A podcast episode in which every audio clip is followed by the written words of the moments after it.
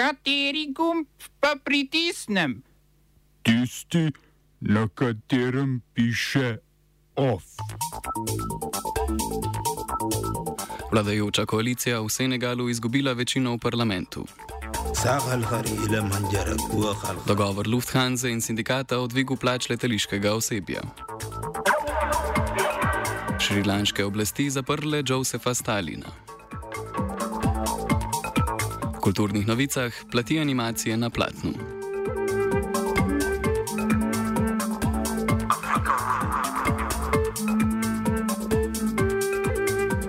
Po uradnih rezultatih volitev v Senegalu je vladajoča koalicija predsednika Makija Sala izgubila večino v parlamentu. Po nedeljskih volitvah je koalicija predsednika Sala razglasila zmago, a je bila pri tem preuranjena. Po razglasitvi, ki so jo opozicijske stranke označile za lažno, so v prestolnici Dakar izbruhnili protesti. Po podatkih volilne komisije je vladajoča koalicija osvojila 82 od 165 poslanskih stolčkov. Tudi glavni opozicijski stranki Osvobodimo ljudstvo in Rešimo Senegal nista osvojili večine, saj sta skupaj dosegli 80 glasov.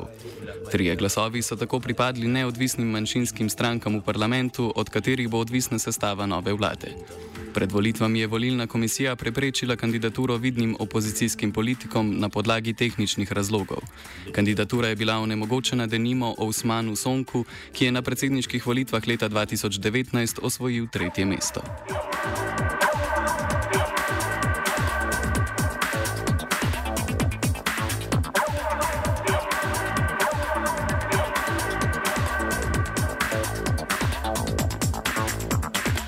Šrilanške oblasti so aretirale predstavnika sindikata delavcev v šolstvu in enega osrednjih obrazov protestov na otoku Josefa Stalina.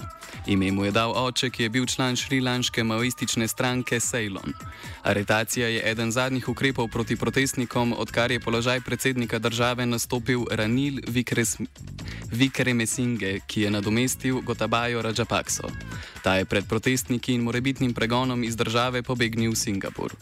Nekdani predsednik je po mnenju mnogih glavni krivec za bankrot države, ki si zaradi pomankanja tujih valut ne more privoščiti uvoza osnovnih surovin, kot so nafta, zdravila in hrana. Tudi po odstopu Rajapakse se protesti nadaljujejo, saj je v očeh protestnikov Vikre Mesinge nadaljevanje oblasti Rajapaksove dinastije.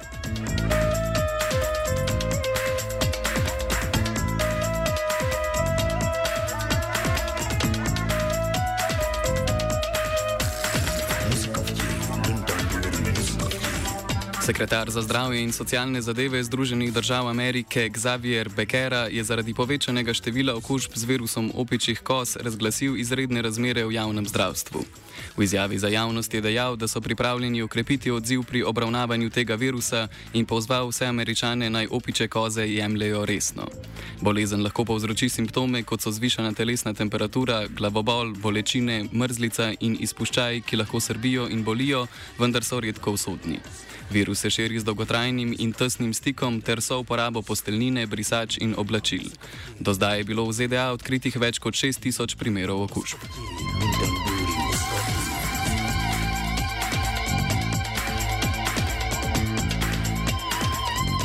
Največji nemški letalski prevoznik Lufthansa in sindikat Verdi, ki zastopa letališko osebje, sta dosegla dogovor o dvigu plač. Dogovor bo z janu januarjem 2023 zvišal mesečne osnovne plače za 2 odstotka in pol. Plače bi se na to julija prihodnje leto ponovno zvišale za 2 odstotka in pol. Na začetku stavke je letališko osebje zahtevalo dvig plač za 9 odstotkov in pol. Dogovor, ki velja za obdobje 18 mesecev, bo dvignil plače za približno 20 tisoč delavcev Lufthansa. Dogovor je bil sklenjen potem, ko je konec julija stavka Lufthansinega letališkega osebja ustavila delovanje prevoznika, zaradi česar je bilo odpovedanih več kot tisoč letov. Za Lufthansa to še ne pomeni konca sindikalnega dogovarjanja. V nedeljo je večina Lufthansinih pilotov glasovala za morebitno stavko zaradi plač, plačnega spora s prevoznikom. Stavka se bo začela, ko bo dosežen dogovor med piloti in njihovimi sindikati.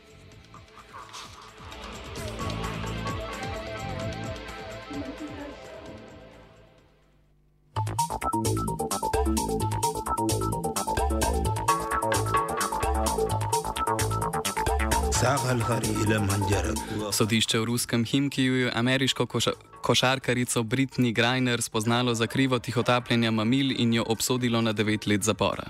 Plačati mora tudi kazen v višini milijon ruskih rubljev oziroma dobrih 16 tisoč evrov. Greiner, dvakratno dobitnico zlate olimpijske medalje in zvezdo ženske nacionalne košarkarske zveze WNBA, so aretirali na moskovskem letališču 17. februarja, ko je vstopila v državo s kanistri za električno cigareto, v katerih je bil približno gram konoplinega olja. Greiner je konopljo v državo prinesla po nesreči. Konoplja je v Rusiji nezakonita tako za medicinsko kot za rekreacijsko uporabo. Ameriški predsednik Joe Biden je obsodbo označil za nedopustno. Rusija, po poskus, Rusija po njegovem poskuša prek športnice izvajati pritisk na Združene države zaradi sankcij, ki so jih uvedle proti Rusiji. ZDA so predlagale izmenjavo zapornikov, ki bi vključevala ruskega športnika Viktorja Buta, ta je zaprt v ZDA zaradi tihotapljenja orožja. Lyndon Durin.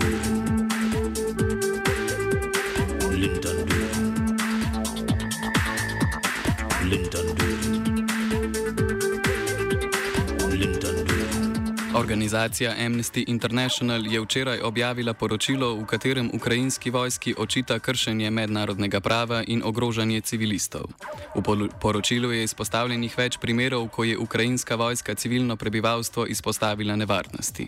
Ukrajinske sile so po navedbah Amnesty International vzpostavile več oporišč v javnih ustanovah, predvsem šolah in bolnišnicah, in izvajale napade z naseljenih območij, kar je organizacija označila za taktiko, ki krši mednarodno humanitarsko humanitarno pravo.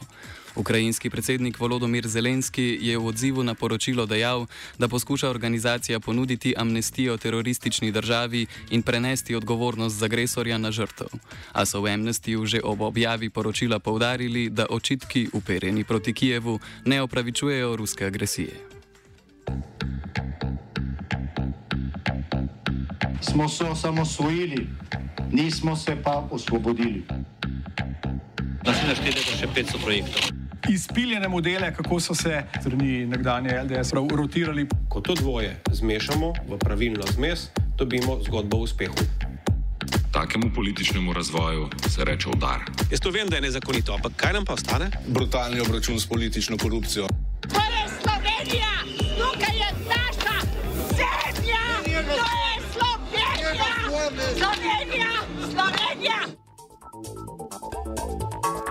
Kandidaturo za predsednika Republike Slovenije je na svojem YouTube kanalu napovedal Aleš Ernecel.